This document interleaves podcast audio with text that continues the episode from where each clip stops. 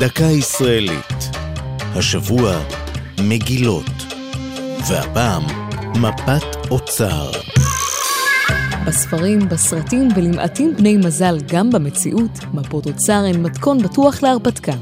עשויות קלף מצהיב עם מסלול מקווקו החוצה יערות ואגמים, וכמובן איקס אדום וגדול, במקום שהמטמון חבוי בו.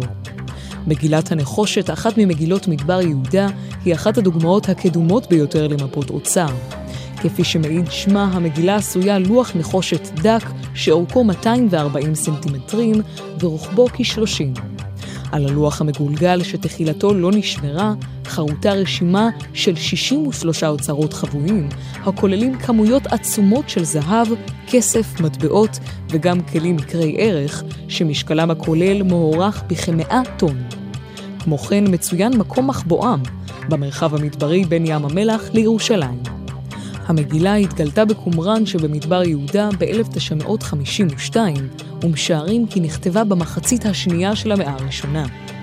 ממדיה והלשון המעורפלת שבה נכתבה הובילו לתהיות בקרב חוקריה, האם מדובר ברשימה אמיתית או דמיונית. במרוצת השנים נעשו מספר ניסיונות לחשוף את אוצרות מגילת הנחושת, אך הם לא העלו דבר. זו הייתה דקה ישראלית על מגילות ומפת אוצר. כתבה מיקה נחטיילר, ייעוץ הפרופסור זאב ספראי, עורך ליאור פרידמן.